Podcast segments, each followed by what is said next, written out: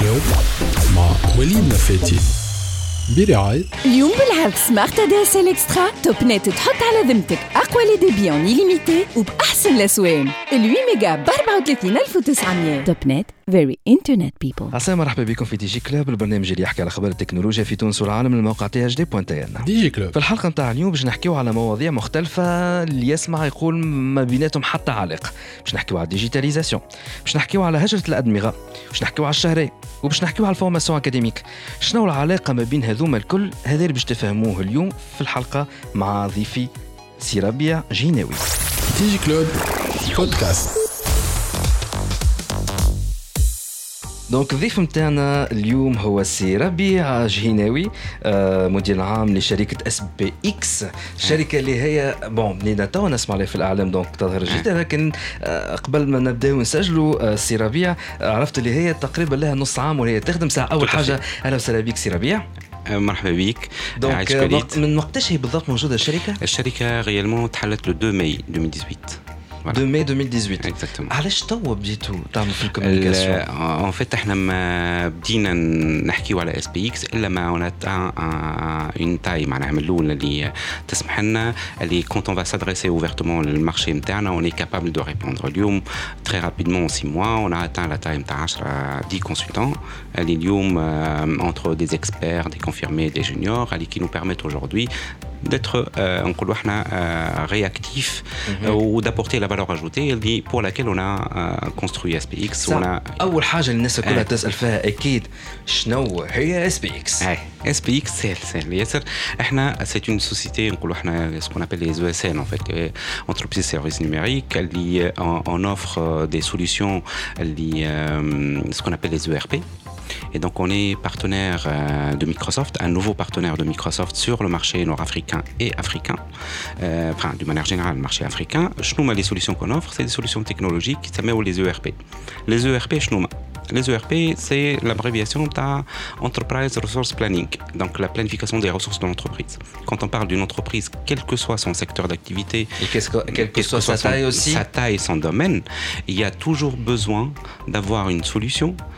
ERP, elle est Jerry, la partie comptabilité finance, Jerry, la partie paye, Jerry, la partie RH, Jerry, la production, la distribution, le stockage. C'est comme un tableau de bord. C'est le tableau de bord, c'est la restitution. احنا D'accord. تعرف ال- comme comme le corps humain معناها ثم tout le système nerveux qui est présent partout. et, et, et donc l'ERP, c'est ça en fait. Tout ce qui bouge. Voilà. Euh, hein, tout ce qui bouge dans l'entreprise là-dedans. Maintenant, il n'y a pas que ça. Les, solutions Hadoum, logiquement, vu les investissements de enfin, les, les éditeurs qui Microsoft, il y a euh, beaucoup de fondamentaux théoriques qui se base sur euh, de l'optimisation, des sujets de recherche opérationnelle, des, sujets de planification, d'ordonnancement. Les, les étudiants ou les ingénieurs, ils font un peu l'école ou leur domaine, domaine d'application, entre autres, ينجم يكون à travers des systèmes d'information qui viennent هذوما. Et donc aujourd'hui, qui notre في une chaîne de production, نجم نقولوا مثلا euh, on, on analyse l'organisation de la chaîne de production, on organise je les postes de charge, les coûts, euh, l'organisation des ressources de l'entreprise par rapport à cette ligne de production, on va dire.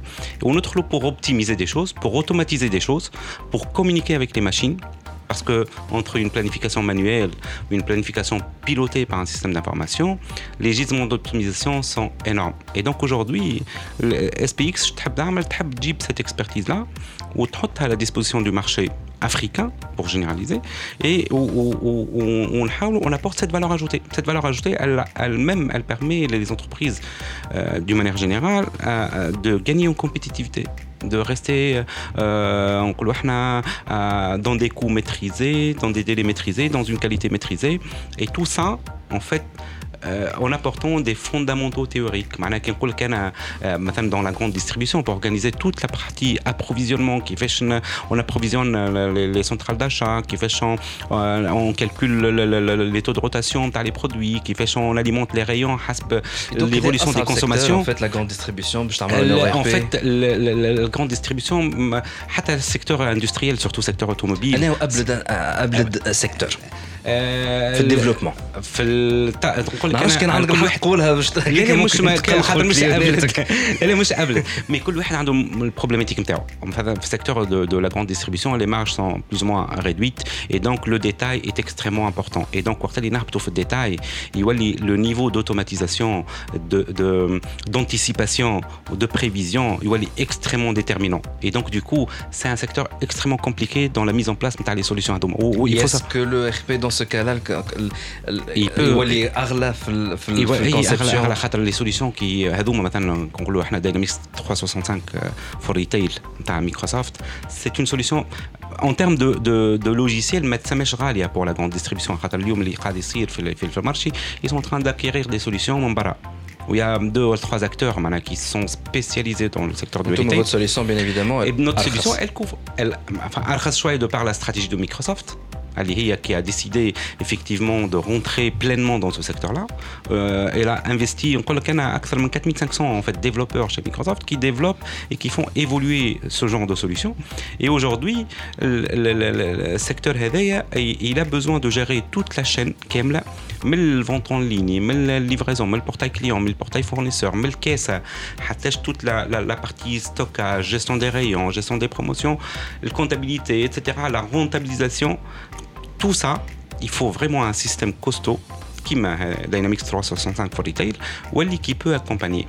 Pour ce genre de produits, euh, euh, généralement, ou les, grandes distributions tunisiennes, il y a des, des éditeurs européens. ils sont capables de, fournir ce niveau de compétence. Ils l'ont prouvé, on l'a prouvé pas mal de fois. Et, et aujourd'hui, euh, avec mon associé, donc Silver Prod, piloté par le président ah, Frédéric. Ouais. en fait, SPX, c'est vrai, c'est une entreprise tunisienne, oui. mais c'est une filiale en fait. Voilà. En fait, le fait le capital la société Silverprod, euh, c'est une société française. C'est une société française et est la plus ancienne ESN française. 1967. ESN. ESN, donc entreprise de services numériques. Et donc, bon, bah, c'est. On évite le mot société de service dans le sens des sociétés de services, euh, peut-être fait une coloration euh, différente, mais la, logique d'éditeur et intégrateur que nous sommes. Donc, on édite la solution. Ça veut dire quoi? Ça veut dire qu'on euh, a carrément notre propre verticale. Un vertical, ce qu'on appelle vertical, il y a une solution que nous avons adaptée, développée, éditée euh, pour un secteur déterminé. Donc c'est le même noyau, mais NGO on construit des couches, euh, des couches qui permettent d'adresser un secteur particulier. La, euh, le secteur automobile, aujourd'hui, euh, le groupe Silverprod, il détient des références de renommée, voire même proche des secteurs sensibles dans le secteur automobile en France. Il a des références de renommée au niveau mondial. C'est une vraie expertise qui est recherchée en Tunisie. Et dans ce cas-là, qu'est-ce que vous euh, alors le groupe, le groupe Mafouche on est éditeur, on, on, a aussi des partenaires. Euh, le groupe, on a, euh, on a atteint la taille de 6, 110 personnes. Tantôt et pour Fitouls, on est 10. On vient de commencer, on est 10. L'objectif interne, c'est que on avec 15 et on enchaîne très rapidement pour arriver à une taille d'une cinquantaine de personnes en juin 2019. أنا عندي سؤال لكن هذا باش نسأله لك بعد لا بوز en fait. خاطر ESN donc entreprise service numérique في واحد من لي زيبيزود رجعوا لهم تاع تاع دي جي كلوب وقت مشينا باري وسالنا نوتامون سيف الدين عكاري قال هو اللي في فرنسا دونك سي اون بلان بوم سيت ترانسفورماسيون ديجيتال خاطر فما دي انتربريز قدم لور او ار بي وصل ليميت اي دونك سي بوركوا توت لي كومبيتونس تونيزيان سون تري دوموندي ومن الجيري ils sont absorbés خاطر il y a une demande croissante اسكو نحن على الحيط في تونس فاتنا الفوت ولا مازال شوي اما باش تجاوبني على السؤال هذايا بعد لا بتيت بوز وانا راجعين Parlons Smart. Sponsored by Youth IT France. Bonjour et bienvenue dans ce nouveau numéro de Parlons Smart, votre rendez-vous hebdomadaire du groupe Youth IT pour mieux vous accompagner dans le monde de la transformation digitale de votre entreprise. Je suis Lucien Bouguila, CEO du groupe USIT. Dans les derniers épisodes, on vous a donné des conseils pour mieux sécuriser votre travail et aussi votre communication, grâce bien sûr au routeur GrandStream GWN7000 qui peut aussi faire office d'un contrôleur Wi-Fi. Par ailleurs, en parlant de Wi-Fi, êtes-vous sûr que votre réseau Wi-Fi est optimisé? Tout d'abord, il existe un composant souvent négligé dans tous les réseaux Wi-Fi, c'est sa plateforme de gestion. La plupart des utilisateurs ont en effet besoin d'une plateforme leur permettant de configurer, gérer et déployer un réseau étendu d'une manière transparente. C'est là que les plateformes de gestion entrent en jeu, que ce soit en local ou en cloud. Une plateforme qui permet aux utilisateurs d'administrer les réseaux Wi-Fi, quel que soit leur emplacement, garantissant ainsi la bonne maintenance de leur réseau. Mais avec des choix sans fin sur le marché, comment savoir lequel convient le mieux à votre entreprise? Voilà trois critères que vous propose afin de faire votre meilleur choix. Tout d'abord, les fonctions d'évolutivité pour les réseaux étendus. Il est essentiel de disposer d'une plateforme de gestion en local ou en cloud capable de mieux gérer un nombre important de points d'accès Wi-Fi. Cela signifie que la plateforme doit être évolutive, permettant de déployer et gérer facilement un grand nombre de points d'accès Wi-Fi simultanément et sans restriction. Capable de fournir une vue d'ensemble de tous les réseaux en temps réel, c'est-à-dire les informations cruciales telles que les périphériques connectés, les clients, les alertes, l'utilisation de la bande passante, les SSID et les performances. Que ce soit via sa propre application ou via une interface web, l'établissement des statistiques en temps réel d'un réseau entier peut aider les administrateurs à surveiller ses performances et à détecter les problèmes éventuels. Deuxième critère, les fonctions de sécurité et l'authentification personnalisée. Comme beaucoup d'entre vous le savent déjà, les solutions Wi-Fi doivent comporter des fonctionnalités de sécurité qui s'étendent également à la plateforme de gestion en local ou en cloud d'ailleurs. L'attribution d'accès Internet dans une entreprise nécessite une plateforme avec des options personnalisables. De nombreuses entreprises ont des besoins et des protocoles de sécurité différents. C'est pourquoi votre solution devrait être dotée de différentes options de configuration de politique d'accès telles que la liste blanche, la liste noire, aussi la stratégie de timing afin de réguler les utilisateurs et les temps passés sur votre réseau. Enfin, et pour mieux sécuriser la navigation, plusieurs modes de sécurité tels que WPA, WPA2 et le web.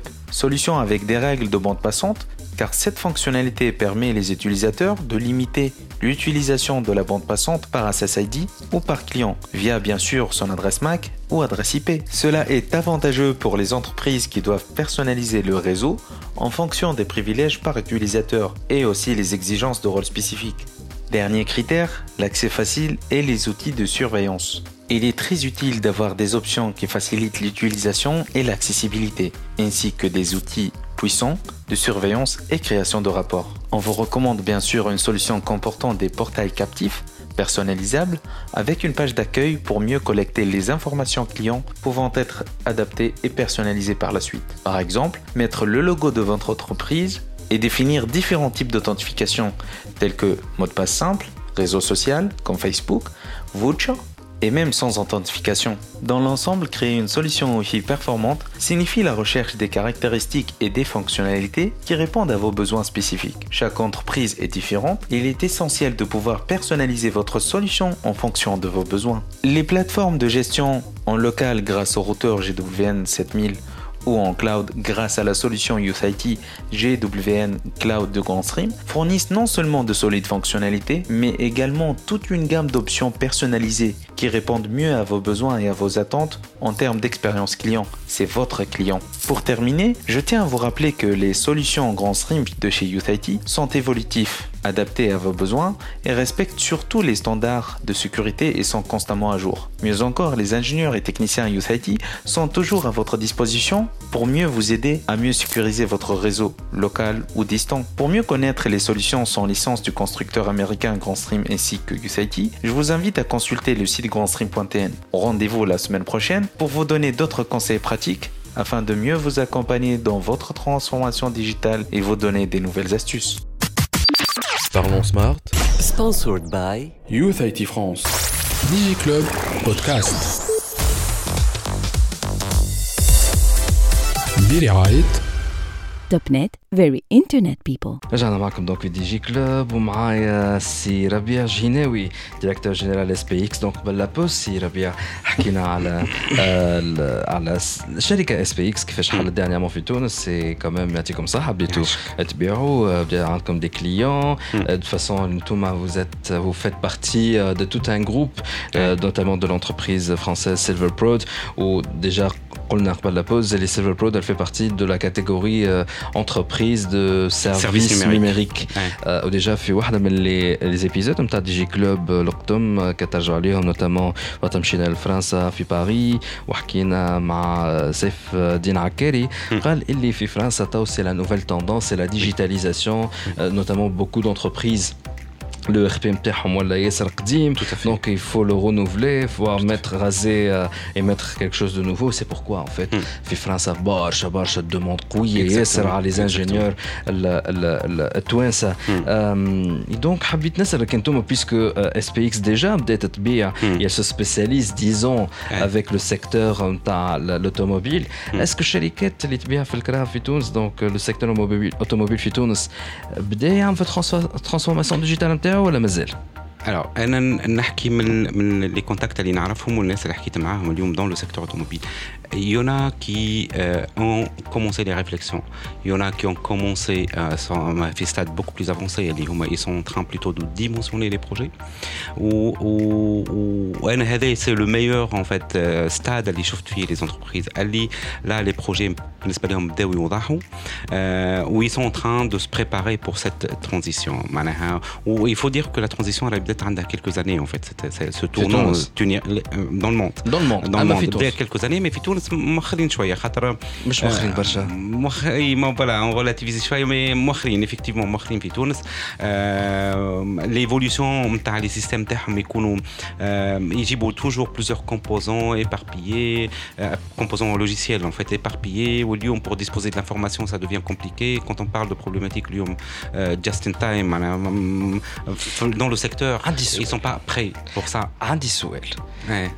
هي المشكلة نتاع الشركات التوانسة في الترانسفورماسيون ديجيتال؟ خاطر السوجي هذا على الأقل من أول ما بدأت ديجي كلاب تو داخلين على ثالث عام. أه حكينا فيه الموضوع وعم جي لامبرسيون الشركات التوانسة ما زالت مستهترة مش عارفة شنو معناها الترانسفورماسيون ديجيتال.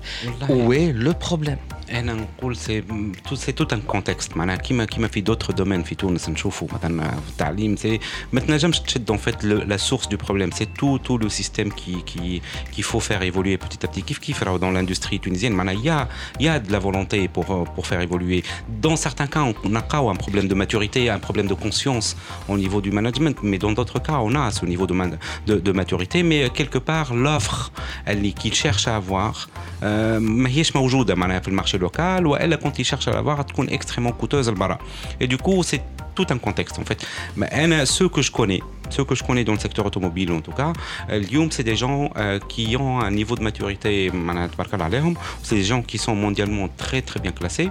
Ou à l'école que on en est conscient. Mais par contre Combien ça coûte C'est pas une question de coût. Quand on se rend compte de la valeur ajoutée, ce n'est plus une question de coût. Quand on dit ce genre de système, elle est à 100% intégré. Elle est et la machine, eh, et tout ce qui commande des machines, eh, et la planification des ressources, eh, et les fournisseurs, et le client, principalement, je un constructeur automobile. Il garantit cet automatisme en fait, on le présente comme étant une numérisation, la digitalisation. Donc, quand il se voit euh, euh, intégré à 100%, que tous ces process sont automatisés, le gain euh, en termes de, de valeur ajoutée, en euh, financier, il est extrêmement important. Donc ce n'est pas un sujet de coût, ce n'est pas un problème de coût, c'est plutôt trouver l'expertise qui est capable de l'accompagner, qui, comprendre, qui est capable de comprendre son métier ou, ou, ou, ou, واللي يكون هو في الفالور اجوتي معناها ما يكونش بياع دي لوجيسيال ونبيع ونمشي معناها هما يشيرش cette profondeur là ils sont conscients ils la cherchent et, et, et- mais il faut qu'ils la trouvent وقت اللي يلوجوا عليها البارا ça devient extrêmement coûteux en plus euh, dans plusieurs cas le, le, le, euh, le pragmatisme نقولوا احنا نتاع certains comme pays européens fait que toute la logique de la gestion du changement par rapport à la logique de l'entreprise, par rapport aux employés, etc., euh, elle freine cette transformation. Et donc, ma حسب رايي انا وحسب حتى من اسوسيي تماش خير من لو فات كونه لا ستركتور كي كي سوا كابابل دو accompagner d'abord تكون culturellement قريبه منهم elle est capable de gérer ce changement là ce tournant On elle parle est en maintenant dehors de du XPX, donc le fait qu'il y ait un, Ouais. un intégrateur هنا في Ouais. تونس. فوالا مثلا ان اكتور كيما اس بي اكس اللي اللي باش ي- automobile spécialement, puisque Silver Prod, historiquement, c'est c'est le premier hein, éditeur et euh, intégrateur de solutions automobiles sur le marché européen. Hein. C'est vraiment, il est de ta... enfin, la taille mais il a euh, quand même euh, réussi à avoir des comptes extraordinaires, des projets extraordinaires à très forte valeur ajoutée. Mm-hmm. Et, et, et euh, cette expertise-là, nous, ils sont capables d'apprendre il faut qu'on les accompagne. Ou cette expertise là on a des partenaires. Des clients en fait mais c'est des partenaires qui nous font confiance qui me font confiance. Mm ok on a vu à un certain moment votre capacité à faire. Aujourd'hui on est prêt à vous faire confiance. Au lieu vraiment c'est une question d'homme d'engagement.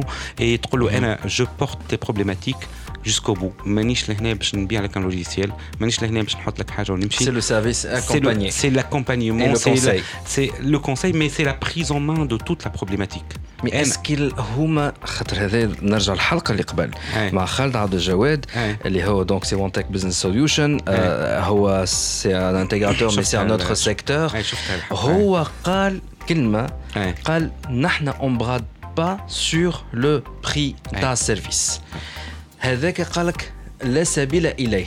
مازالوا اللي مازالوا قاعدين يخمموا بسيستم تاع نشي الهاردوير. آه والسوفت وير كالزم مي لو سيرفيس هذاك نتاع عملي فيه سوم ولا اون لوفر غراتويتمون هذاك لا فماش منه. اسكو في هالشركات في السيكتور أوتوموبيل الرياليسا ولا مازالوا في السيستم والله تري فرون مازال شوي شوي. معناها ثم شكون كي رياليز وثم شكون مازالوا بعد شويه واللي مش في باله فات باش يجيب اصعب حاجه الى باغيت ماجيك وباش يحط ان سوفت وير ويخدم على روحه ويخدم على روحه وما يعرفش اللي لا كونت بارتي دان بروجي او ار بي سي لو سيرفيس سي ليكسبرتيز سي لو سافوار فير اللي كي فون واللوجيسيال ويقعدوا مده طويله اي واللوجيسيال هو اون لادابت معناها لادابت مش حتى بالديفلوبمون اون لادابت بالبارامتراج نتاعو معناها ينجم هو نفس اللوجيسيال بور اون انتربريز ا يفونكسيون دون مانيير بور اون انتربريز بي يفونكسيون اوترومون باسكو organisé autrement, parce que son métier est un tout petit peu différent. Parce que il est dans euh, les, les, pièces de rechange, dans, dans, proche du moteur, ou l'autre fait des mhm. pièces de rechange, fait mm -hmm. domaine câblage. Mm -hmm. Donc c'est un monde complètement différent. Mm -hmm. Donc l'organisation de la solution change. Donc ils ne valorisent pas ce savoir-faire. Alors que نحكي حتى على تجربتي الخاصه معناها وفي وخدمت في فرنسا برشا ويقول لك ils font confiance à la créativité de l'homme dans l'absolu معناها يقول لك انت اذا كان عندك لا فورماسيون كيف فو je t'exprime mon besoin je sais très bien que tu vas m'apporter un plus وقت اللي اليوم احنا نقولوا on a édité la solution automobile معناها سيلفر برود ont édité la solution automobile pour le marché européen واليوم une bonne partie de cette édition de la solution, elle se fait chez SPX avec des experts métiers et des experts technologiques. Ils sont tunisiens. Ils sont tunisiens. Qu'est-ce qui nous empêche, Lyon, de devenir le Silver Prod de l'Afrique Mais si ربيع توا حسب من كلامك دونك اون كونتون بور لاندستري اوتوموبيل في تونس اللي بدات تفهم في روحها اخيرا ثم ثم دي موفمون سابوج انا هي ملا اندستري ولا سيكتور في تونس اللي بالرسمي على الحيط اللي مش فاهم حتى شيء واللي لازم بوكو ديدوكاسيون والله ايش نقول من اخر ايش نقول لك انا انا ما, ما, ما نقولش بوكو ديدوكاسيون دون السونس اللي خاطر كل كل كونتكست عند كونتكست ثم دي جون اللي يدخلوا فيها موديل دو بيزنس اللي لو كو تري importants où les marges sont extrêmement faibles. Investir dans la technologie pour eux, euh, ça devient compliqué. Ou la meilleure l'offre qu'il faut, qui La grande distribution. La grande distribution, lui, on investit. اليوم في تونس sans citer les noms ils sont en train d'investir dans des solutions pareilles on peut citer les noms mais قلقنيش mais on n'a pas beaucoup d'acteurs احنا voilà on a beaucoup d'acteurs عندك Carrefour عندك magasin général عندك Monoprix عندك des gens comme ça ils sont en train d'investir dans les systèmes d'information من بعد انا ما عنديش فكره détaillée على les choix qui qui sont en train de faire ولا qui font mais نعرف ثما شكون خذا la même solution و en train de de se projeter انا السيكتور اللي تحسه صعيب شويه مش صعيب السيكتور تكستيل السيكتور تكستيل نتاعنا اللي اللي مازال متواسي في السبعينات. فوالا. خاطر زاد كيف كيف أنا أنا هذه سي لافي بيورمون بيرسونيل معناها أنا ديما جو كونسيدير اللي وي والله تعرف حاجة كان جا صالح بركة يمسي بالخير صالح بركة. خاطر وصلنا صالح بركة اللي ما يعرفوهوش سي دونك ان ستيليست موديليست معروف في تونس. قول قائل الجاب هذاك للتكنولوجيا جبناه في حلقتين على عامين ديفيرون وهو أول واحد اللي يبدأ هاك لسانه خارج على الاندستري تاع التكستيل يقول لك راه ما زلت ما فهمتش روحها من السبعينات ماكينات مازالت بركه غادي اي تو افي دونك سي تكستيل مازالوا انا نقول الفيتمون كل شيء مازال مازال بعيد شويه توا ياخذوا كيلكو سوليسيون معناها صغار مي لو جور و معناها سي اون سو كومبار بارابور سكي سفي او ماروك اليوم في السيكتور تكستيل واللي قاعد يصير في تونس ثم انيكار كبير Qui ne généralise pas. Maintenant, il y a des acteurs à l'air depuis quelques années, mhm. ou alors qui ont investi dans la technologie, ou alors les liens qui sont au textile, qui font des secteurs en colocation de euh, du sur mesure نقولوا احنا دو دو سور ميزور le sur-mesure, c'est extrêmement complexe. Ou une chaîne de production fait 400 ou 500 employés. Donc c'est en fait question de culture ou la question c'est plus beaucoup plus complexe. un niveau de complexité extrêmement élevé. Fait textile. Fait textile, d'accord. Textile, c'est extrêmement. أكثر من الأوتوموبيل. لا مش أكثر. أكثر من الديستريبيوشن. ماهوش أكثر. مي كل كل انتربريز ماك تعرف أنت والتايم نتاعها والشيف دافير نتاعها وسكيل كابابل دو ديجاجي كوم مارج ولي à partir de laquelle elle est capable d'investir, etc. Eh. Une entreprise qui est maintenant textile, eh. eh. Donc, je dis, elle va investir. Ah, c'est un investissement. Hein, c'est un investissement. C'est un investissement.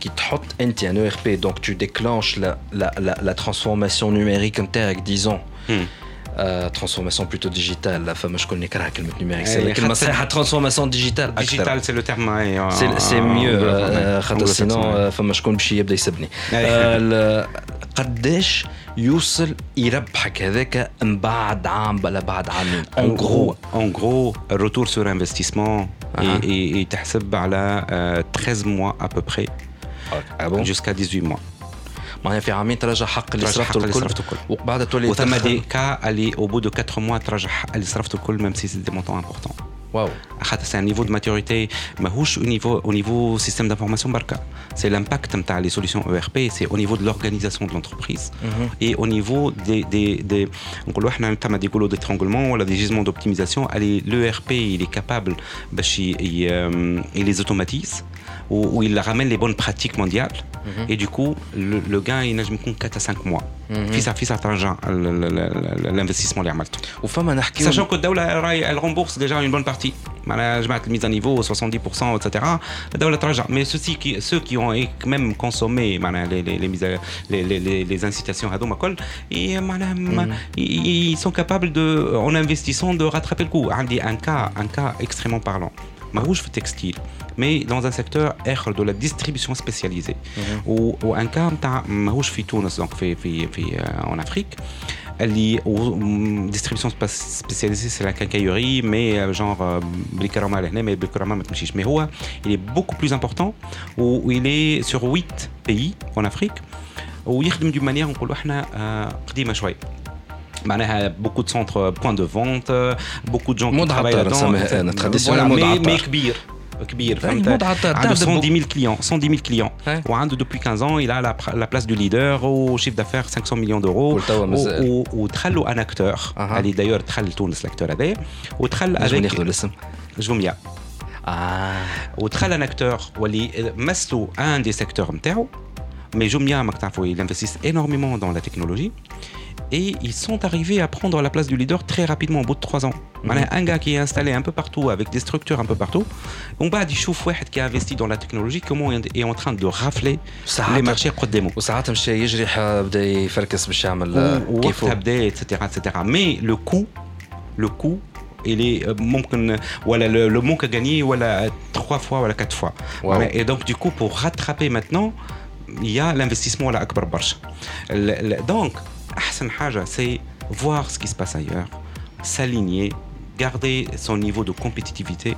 Euh, euh, euh, pour ne pas subir des chocs, les un choc fatal, stratégique, un choc tu es dans une activité moyenne, un autre acteur dans le secteur automobile aujourd'hui qui est connecté à 100%, qui est capable de commander ses machines, de planifier le fonctionnement de la machine en misant à les nouvelles techno, en parlant IoT ou dans la planification, dans la grande distribution, on intègre petit à petit des logiques je ne vais pas je trouve des terminologies euh, ou aller au bas marketing mais l'intelligence artificielle aujourd'hui elle atterrit dans le monde de l'ERP ah okay, oui. Voilà. Et donc du coup tu commences pas à investir à t'allier à trouver un partenaire qui maîtrise ton métier غدوه وقت اللي تحب تلوج عليه tu vas payer le prix زعما ما fort. فاهمين شو معناها هي الانتليجنس والله ارتيفيسيال يفهموا والله يفهموا يقول لك حاجه بديت يفهموا ن- mais la structure de management ولا في dans certaines entreprises ساعات elle freine شويه معناها ساعات تلقى ال- جماعه الاي تي sont conscients dans des entreprises mais comme ils détiennent pas les budgets ولا كيفاش آه، تصير ولا ne décision oui, voilà, ne savent pas communiquer en interne, voilà,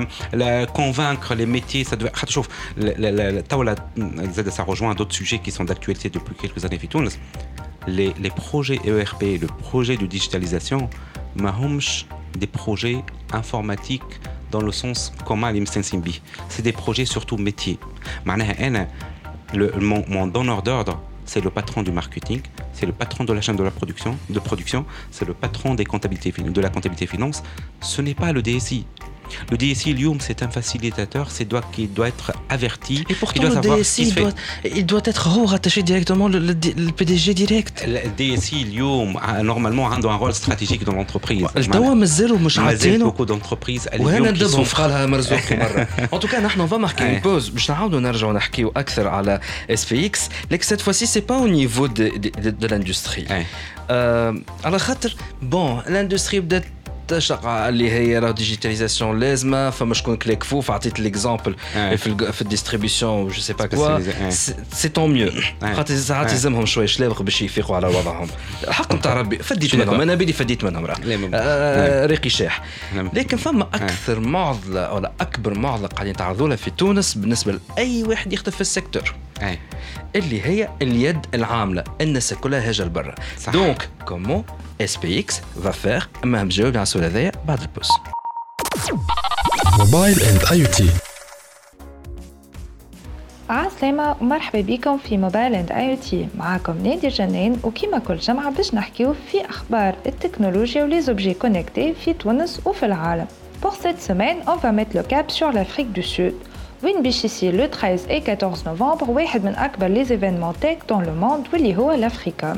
ليفينمون هذايا يلم عدد كبير من الخبراء والعاملين في مجال التلكو والتكنولوجيا وإل ريكومبونس لي زينوفاسيون دو لاني دون بلوزيور كاتيغوري كيما باغ اكزومبل بيست نتورك امبروفمنت فاين تك انوفيشن اوورد موست انوفاتيف يوز اوف ارتيفيشال انتليجنس تكنولوجي ou encore IoT Product Service of the Year. بور سيت ديرنيير كاتيغوري باش نحكيو على واحد من لي نومينيز شورت ليستد ليامات اللي فاتوا. الليستة تضم دي سوسيتي ودي برودوي كيما ياغاموتو سكويدنت تاتا كوميونيكيشن موف و انكور اوروز سمارت ووتر سايكل اي سوليسيون اللي باش نحكيو عليها هي الاخرانيه اوروز بيان ايفيدامون واللي هي بازي على لا كوليكت دانفورماسيون à travers des capteurs مركبين في les réseaux de distribution d'eau. Et solution هذه تخلي les opérateurs نتاع distribution نتاع الماء يديتكتيو en temps réel des agents polluants في الماء والا اي تغيير في الكاليتي نتاعو وهكا ينجموا يتدخلوا بسرعه. لي كابتور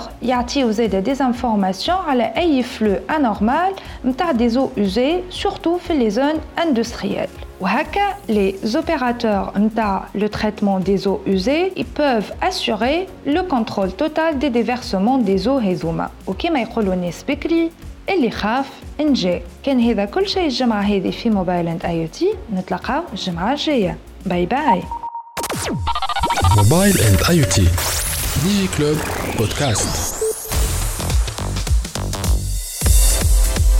برعاية توب نت Very internet people. رجعنا معكم في دي جي كلوب مع سي ربيع جهيناوي مدير عام لشركه اس بي إكس قبل ال- البوز سخنت أنا شوية واللي نسمي فيه عطار مش مدير تاع شركه واللي ما نعرف شنو في الآخر قلت أنا ندبهم كما قال المرزوقي قبل اي فينالمون في البوز سمعت حاجة أخرى ساعات شعر شعر بديت نندب بالرسمي اون فيت قعدت نحكي مع سي جيناوي كنا باش نحكيو اون فيت في البارتي هذيا على لي ريسورس هيومان باش نجيوها الكيستيون باش نجيوها أي.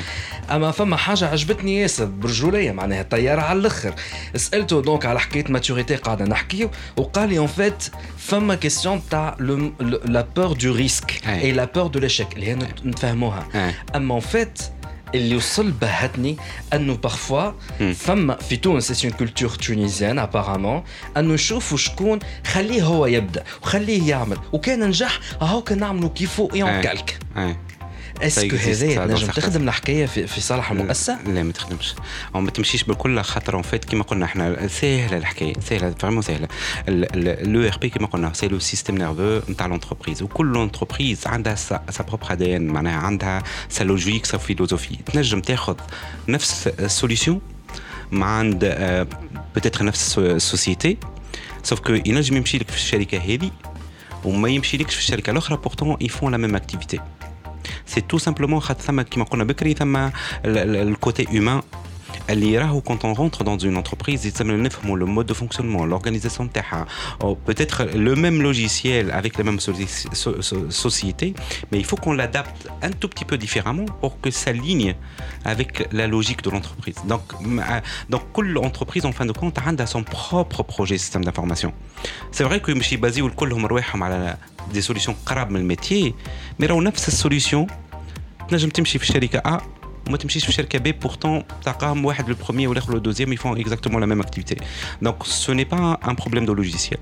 c'est un problème de maturité, de, de, de euh, être conscient qu'on est capable nous-mêmes en tant qu'entreprise, qui pour l'être humain, être euh, évolué par nos propres réflexions, nos propres choix, ou par rapport à ces choix-là, on s'investit pour développer l'entreprise, voilà, l'automatiser, voilà, la transformer. Donc, maintenant, je me suis dit, trouve le cas A, euh, ça a marché, donc forcément, le cas B, ça a marché.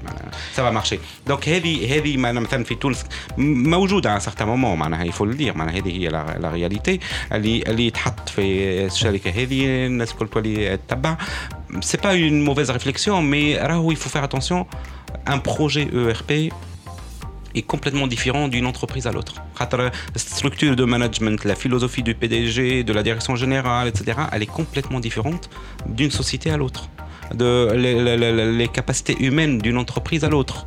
خاطر مثلا ينجح في الستركتور الفلانيه خاطر l'organisation les compétences الموجوده في l'entreprise الاخرى ils ont un certain niveau d'encadrement et un certain niveau de maturité اللي يخلي toute la partie préparation pour la mise en place des ERP تكون bien maîtrisée ou une autre structure qui manque de maturité ما تنجمش تاتاك sujet ERP الا ما تدخل في une partie قبل البروجي اللي هي préparation métier c'est alignement des processus كيفاش انت تخدم اليوم هات نشوف المشاكل هات on même on revoit l'organisation de l'entreprise à un certain moment pour dire voilà comment il faut faire les choses قبل ما نتاك le système d'information معناها فهمت ما تنجمش تاخذ une كهرباء كبيره و اتسيتيرا وتقول باش تمشي بها في البيست ومن بعد تقول لها تكسرت فيسع و alors que انت tu es en train de copier واحد اخر اللي عنده اوتوروت قدام الدار و il peut se permettre معناها un certain niveau donc يلزم ثم des travaux de préparation pour les projets ERP d'une manière générale que ce soit sur les aspects humains organisation ولا métier وهذوما احنا اون لي انتيغر فيت في البروسيس نتاعنا نجيو نقولوا اسمع هاو كيفاش نبداو الساعه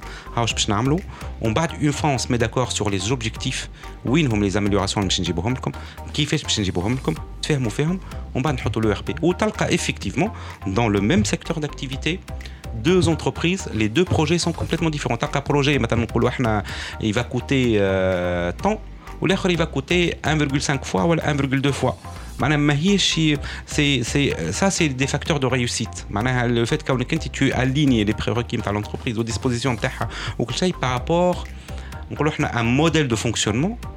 بارابور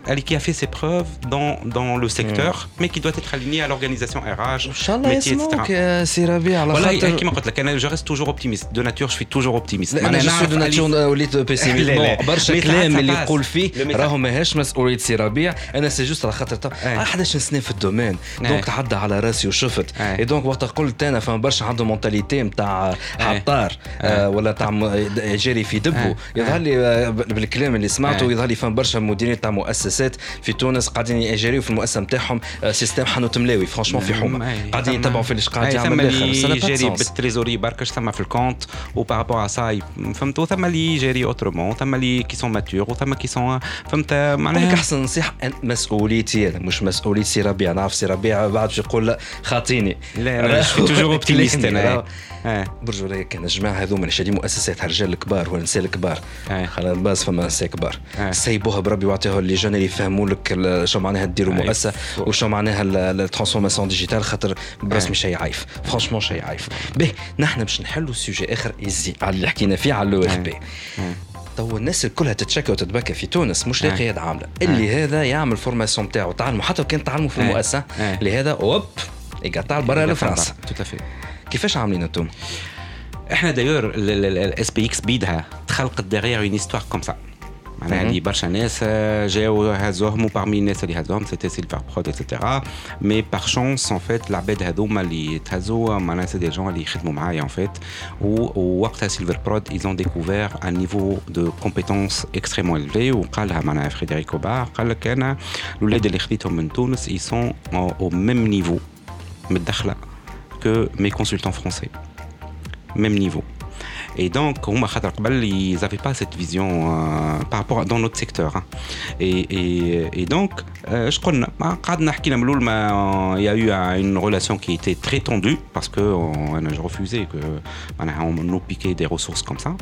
Et, et oh, ça a été très tendu. Bah, à un certain moment, j'avais mon projet en tête. Oh, qui fait, on fait. Et oui, ils étaient intéressés. Je, je te suis. Et ايش قلنا؟ قلنا ساعة إذا كان on va créer notre entreprise لهنا SPX في تونس و و- on va subir le même sort من عند d'autres acteurs باش يجيو يهزونا أولادنا ما عملنا حتى شيء فهمت؟ دونك شنو هو لو بروبليم؟ لو بروبليم سي كو الانجينيور التونسي sachant que من الأول نقولوا في الفورماسيون نتاعو اكاديميك كوميم il sort avec euh, des bases solides انا انا par rapport à ce que je vois au niveau de certaines écoles d'ingénieurs certaines écoles مش الكل mais certaines écoles يخرجوا ولاد تبارك الله عليهم très compétents très intelligents و- و- و- ويحبوا يمشوا بعيد sauf que ils cherchent une qualité de vie مش معناها معناها une bonne rémunération وils cherchent des projets là où ils vont s'épanouir وقت اللي انت بين ان ان ان كليون نقول احنا ولا ان بارتنير اللي يحل لك الباب يقول لك عندي سيت بروبليماتيك ميتي اللي فيها دي فوندامونتو ا ميتريزي و كي سون بازي سور دي تيوري كو سوا كيما قلت لك دو ريشيرش اوبيراسيونيل ولا دوردونونسمون بلانيفيكاسيون ولا كونسوليداسيون فينانسيير وين يشيخ الكونسلتون وي بو ابورتي de la valeur ثم دي انتربريز ما يحلوا لهمش الباب pour faire ça وثم d'autres qui le font Euh, donc le consultant qui يلقى ce genre de sujet زاد يمشي Donc يلقاهم برشا في فرنسا vu le niveau de maturité اللي يلقاه موجود و, و il a des difficultés pour les trouver en Tunisie وكيف كيف الريمونيراسيون عنده المشكله معناها اليوم يقول لك انا avec لو نيفو اللي عندي انا نطلع لفرنسا جو بو توشي طون معناها اللي و alors que في تونس معناها j'ai pas le respect du client j'ai pas le respect du manager da, da, da, je galère je vis mal et donc je veux vivre mieux et je sais que je peux vivre mieux احنا قلنا tiens هاوش باش نعملوا سيدي trois actions ببساطة معناها و- و- on va pas couvrir معناها tous les fa- on va pas répondre نقولوا احنا à toutes les sources نتاع les, les, les, les départs mais on a trois ال- الأولاني rémunération avec mon partenaire euh, Frédéric Aubard اللي يقول لك انا اذا كان عندي le même niveau d'expertise je ne vois pas علاش l'ingénieur tunisien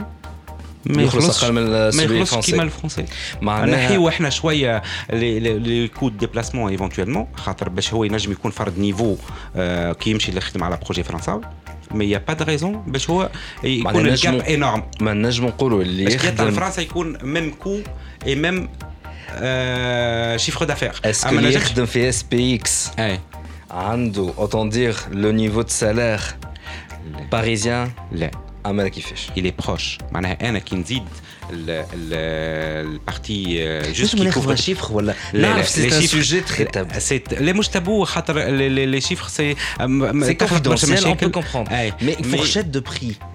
C'est à partir de combien bon يلزم يفسر علاش على خاطر إحنا- برشا اللي يسمعوا فينا يلزمكم آه. تفهموا حاجه اللي راهو آه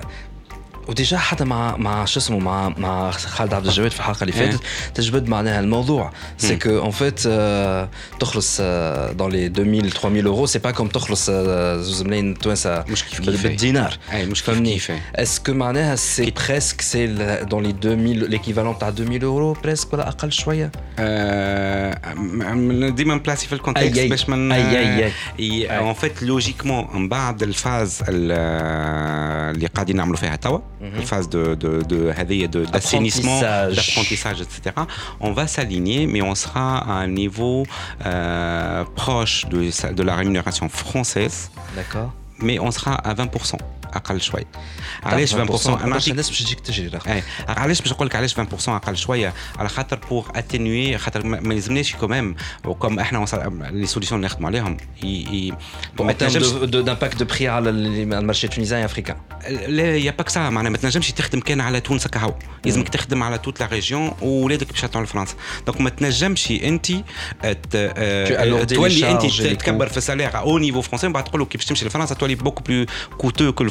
الفرونسي اه وي دونك يلزمك تخلط في نفس النيفو دو كومبيتيتيفيتي ان تيرم دو كو معناتها نفس الكو مي ومن بعد سي لا مارج انتيغراتور اللي كي كي فهمت هذه هي لا لوجيك دو كونستركسيون دو لا لا لوجيك معقولة سالاريال لا معقولة اللي أي. يفهموا اللي يسمعوا لي انجينيور اكيد خاطر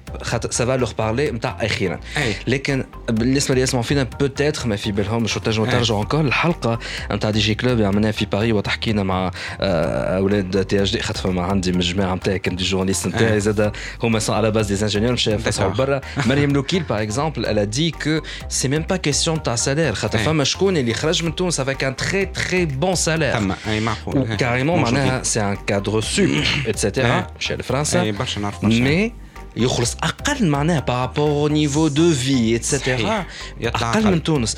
اي بورتون يقول لك نفضل نقعد في فرنسا اي لا. مريم لوكيل مساء بالخير كانت آه. تسمع فينا آه، قالت على خاطر tu sens pas que tu évolues tu آه. sens pas ان انت قاعد تتعلم اي سورتو فما أكل تحس حسوك. قش عليك تخدم في معمل تاع خياطه افيك احتراماتي يخدم في معمل تاع خياطه. اسكو زادا دو كوت هذايا Est-ce que, vous, est que vous y pensez? SPX, euh, elle le réalise on, le fait réellement. Maintenant, ou à l'origine, cet, cet état d'esprit ou cette réflexion, euh, Marim, euh, mm, je dis que oui, ben, il y a ce genre de cas, barcha, barcha, barcha, barcha. Il y a une culture managériale d'abord qu'il faut instaurer, qui est basée principalement. كما ديما نقولها il faut croire en la créativité de l'homme معناها اللي انا انا ونخرج من مون فيكو راهو معناها سي سي دو فيكو مشيت آه، خدمت اول ما طلعت خدمت في في فرنسا وخدمت في مع دملر كريسلر اون فيت وقت اللي عملوا آه، اول ما صار رابروشمون بين مرسيدس ودملر كريسلر مشيت خدمت آه، في البروجي آه، نتاعهم و- وفي البروجي هذاك اون فيت جيتي رابيدمون اكسبوزي face au client où le client il m'a demandé de d'éditer toute une solution de A jusqu'à Z. Où le projet راهو est كبير hein. mais il- معناها j'étais impressionné من الاول choqué معناها par le fait اللي هو il a pas cherché يقول لك آه، معناها il, il t'a fait confiance par rapport à ce que tu as dit il t'a donné les moyens وقال لك هات تعطيني آه، cette, cette, cette confiance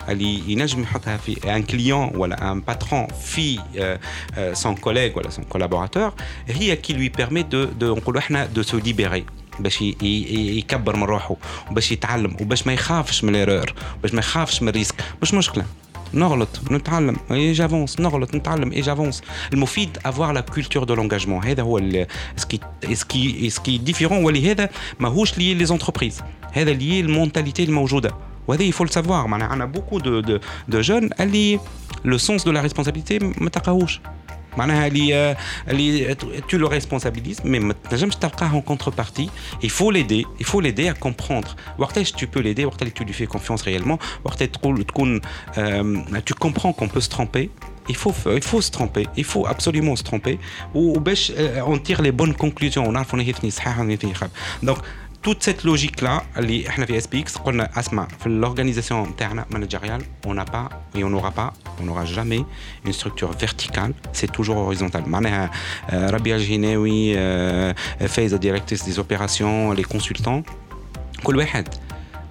il est responsabilisé par, responsabilisé par rapport ce qu'il fait et il est en mode relation directe client.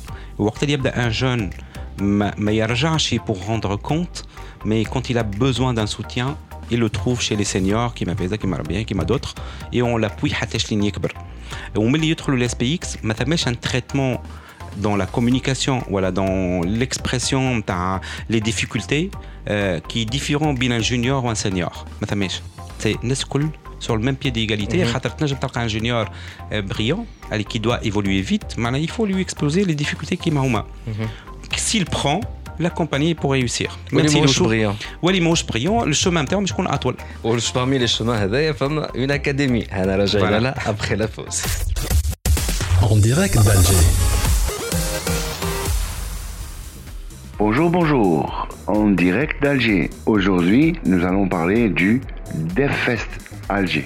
Plus qu'un événement, le DevFest, qui est une tradition pour tous les GDG à travers le monde, est un espace de rencontre pour les développeurs qui s'est déroulé cette année à l'École supérieure informatique EASY, connue sous le nom aussi de série. Basé sur une contraction de Developers et Festival, le DevFest est la bannière qui rassemble les plus grands événements organisés par les communautés autour des technologies Google, les fameux Google Developers Group. Un festival qui réunit des développeurs pour célébrer de nouveaux outils de concept, du développement, à travers une variété de conférences et d'ateliers et de passionnés pour réfléchir sur les technologies de demain. Une occasion unique de partager et d'échanger autour des technologies du web, du cloud, du big data, du mobile et des objets connectés, les IoT. Le DevFest revient à pousser les étudiants à sortir de leur zone de confort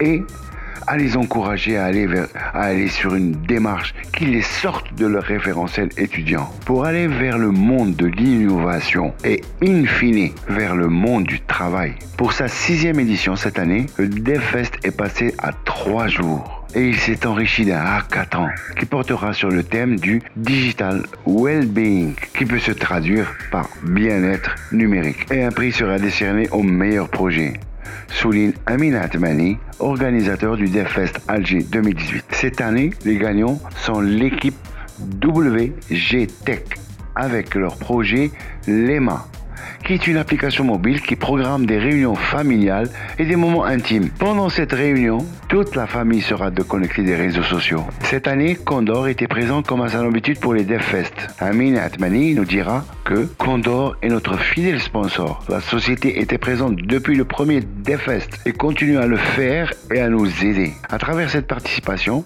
le groupe Condor réitère son engagement dans la promotion de la recherche scientifique, la valorisation des produits issus de la recherche, l'encouragement des porteurs de projets innovants et encourage l'émergence de nouvelles visions. Mindset, disruption.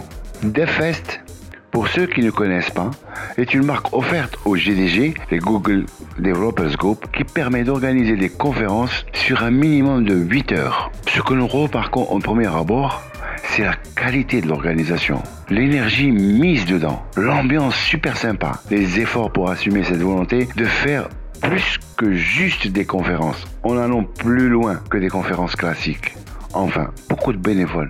J'en ai vu beaucoup, beaucoup, issus de l'ESI et d'autres écoles, ont aidé à assurer le bon ordonnancement de ces trois journées. Et étudiants, encadrants, staff, direction de l'école, tout le monde a mis la main à la pâte. Une manière de garantir une ambiance conviviale et sérieuse en même temps. Merci de m'avoir occupé. On se retrouvera la semaine prochaine. En direct d'Alger. DigiClub Podcast. برعاية توب نت فيري انترنت بيبل رجعنا معكم في دي جي كلوب في اخر بارتي من دي جي كلوب دونك معنا السي ربيع جهناوي ديريكتور جينيرال الاس بي إكس يظهر لي سمعتوا الحلقة كامله عرفتوا برشا حاجات أرجعوا عاودوا اسمعوا كان فلتوا حاجة. اخر بارتي من ليميسيون باقي باش نحكيو فيها على الريسورس هيومان Ça, c'est bien. Ouais. دونك في الريسورس هيومان دونك حكينا على حكايه الريمونيراسيون سالاريال أي. سي او نيفو فرونسي اتسيتيرا اتسيتيرا لكن اللي هو باقي ماهوش في النيفو هذاك ولا مازال كي تخرج والا أي. على خاطر في الاوف قلت لي راهو وي وليد اما راهو nous sommes très exigeants et Tout à donc fait. pour être à ce niveau là Ouais. SPX a ouvert une sorte d'académie Tout à fait. donc rapidement c'est quoi cette أي- académie الاكاديمي سهل سهل ان فيت وهو البروبليماتيك نتاع لي زيكول انجينيور الموجودين في تونس برشا ال- ال- بين الفورماسيون اللي ياخذها في ليكول وبين لاتونت نتاع المارشي دو لومبلوا اوجوردي كي نحكي انا على لي سيكتور اللي نعرفهم اللي هو لو سيكتور دو لا grande distribution لو سيكتور اوتوموبيل سيكتور ايرونوتيك والسيكتور دو لا بلاستورجي technologie هذوما le rapprochement entre la formation, ce qui est demandé dans la pratique, et surtout pour nous, une technologie, métier et formation d'ingénieur, on a lié les deux. Ça m'a un gap. Le gap, dans une première étape, on, on, lance notre académie.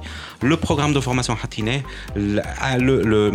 l'académie s'est actée depuis début octobre. Maintenant, on a ouvert en fait les recrutements pour recruter des jeunes diplômés pour qu'ils suivent une formation qui va durer six mois. Cette formation-là... Payante Moi, formation payante, c'est des salariés de SPX. Des salariés, donc en fait... On va les recruter, on va les former. Pour étudier, pour se former. bien sûr, il va faire des choses pendant la, formation, mais c'est des choses pratiques qui ne sont pas forcément orientées projet client, mais c'est des choses qui sont dans le cœur de ce qu'on fait. On est éditeur. Donc, ils vont travailler sur des choses mahomchi pour les clients, mais qui vont leur permettre d'apprendre.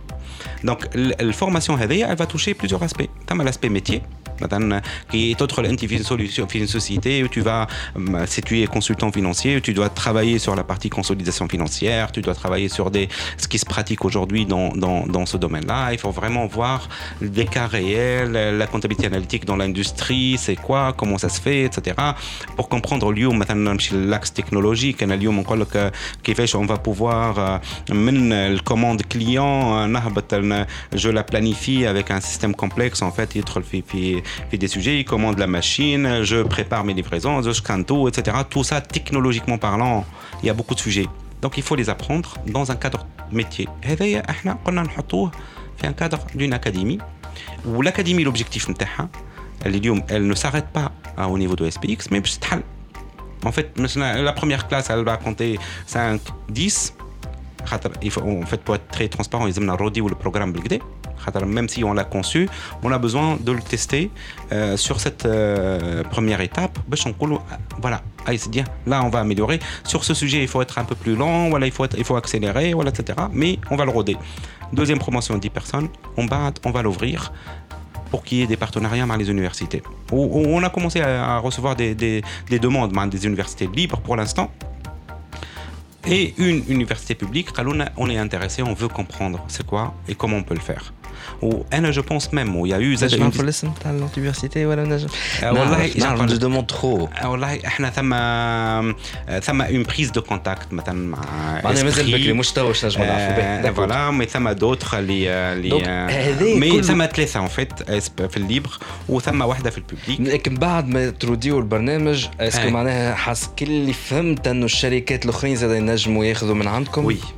ما ثماش مشكلة. إيش نقول لك الميتي اللي إحنا فيه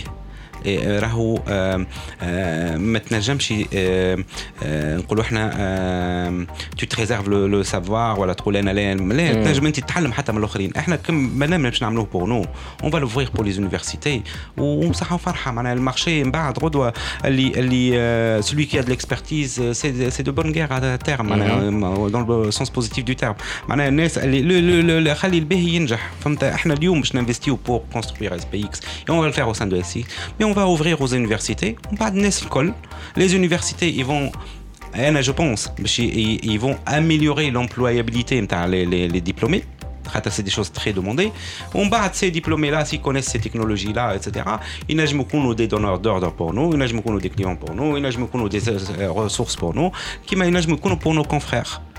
pour moi, سي سي ما يلزمش واحد يكون تفكيره جوست محدود كور تيرميست لازم يكون اون اوفر والمارشي اوروبيان وامريكان اللي تري دوموندور دو سي كومبيتونس لا معناها معناها موجود والخدمه موجوده الناس الكل فو جوست garantir l'apport de valeur pour le client final وهذا هو راهو كي va faire mûrir حتى المارشي لوكال دونك اللي يسمعوا فينا اكيد لي انجينيور ولا فيتور انجينيور بعد ما سمعوا قداش خاطر يحسبوا مليح عرفوا بلوز او قداش السالير ومعها فورماسيون تاع ست اشهر وكي بيي اون بلوس اكيد الناس كلها باش تلقاهم غدوه الصباح شادين الصف قدام بيرويك إيه.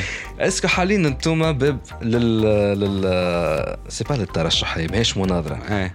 للجماعه اللي تحب تختار اي حالين الباب ولانسي دي كومبان دو ريكروتمون ثم بليزيور نيفو ثم لي نيفو نقولوا احنا نسميهم لي سينيور هذوما دي جون كي اون دو ليكسبيريونس كون فا ايدي ا باسي سور واحد وفي الاكاديمي بيان سور حالين الباب اليوم بور ريكروتي لا بروميير بروموسيون هذيا اون كومونس ا ريسيفوار دي سي في اون فيت احنا اليوم وين وين يكونتاكتيوكم اللي يحب إحنا- اللي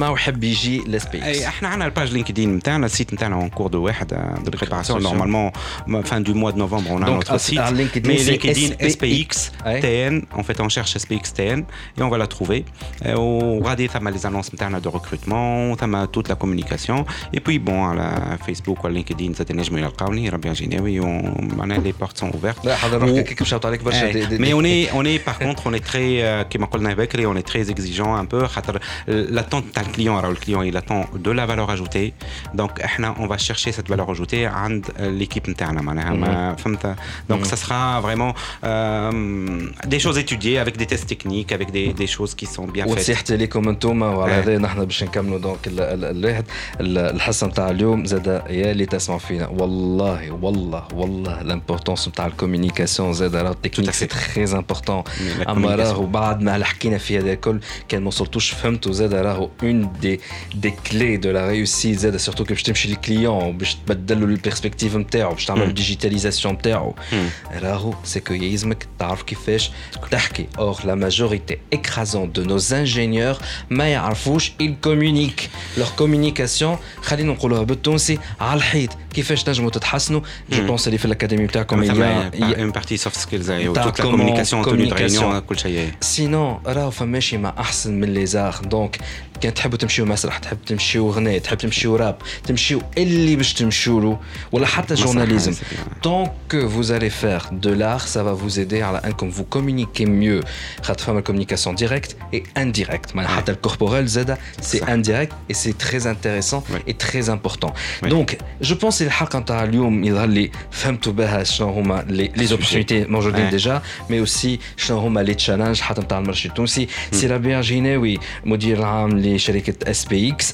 Merci beaucoup d'avoir accepté notre invitation. Euh, encore toutes les informations si vous voulez le, contacter ou contacter SPX sur LinkedIn. comme ça, avec une autre thématique intéressante. Je vous dis à bientôt. Bye bye.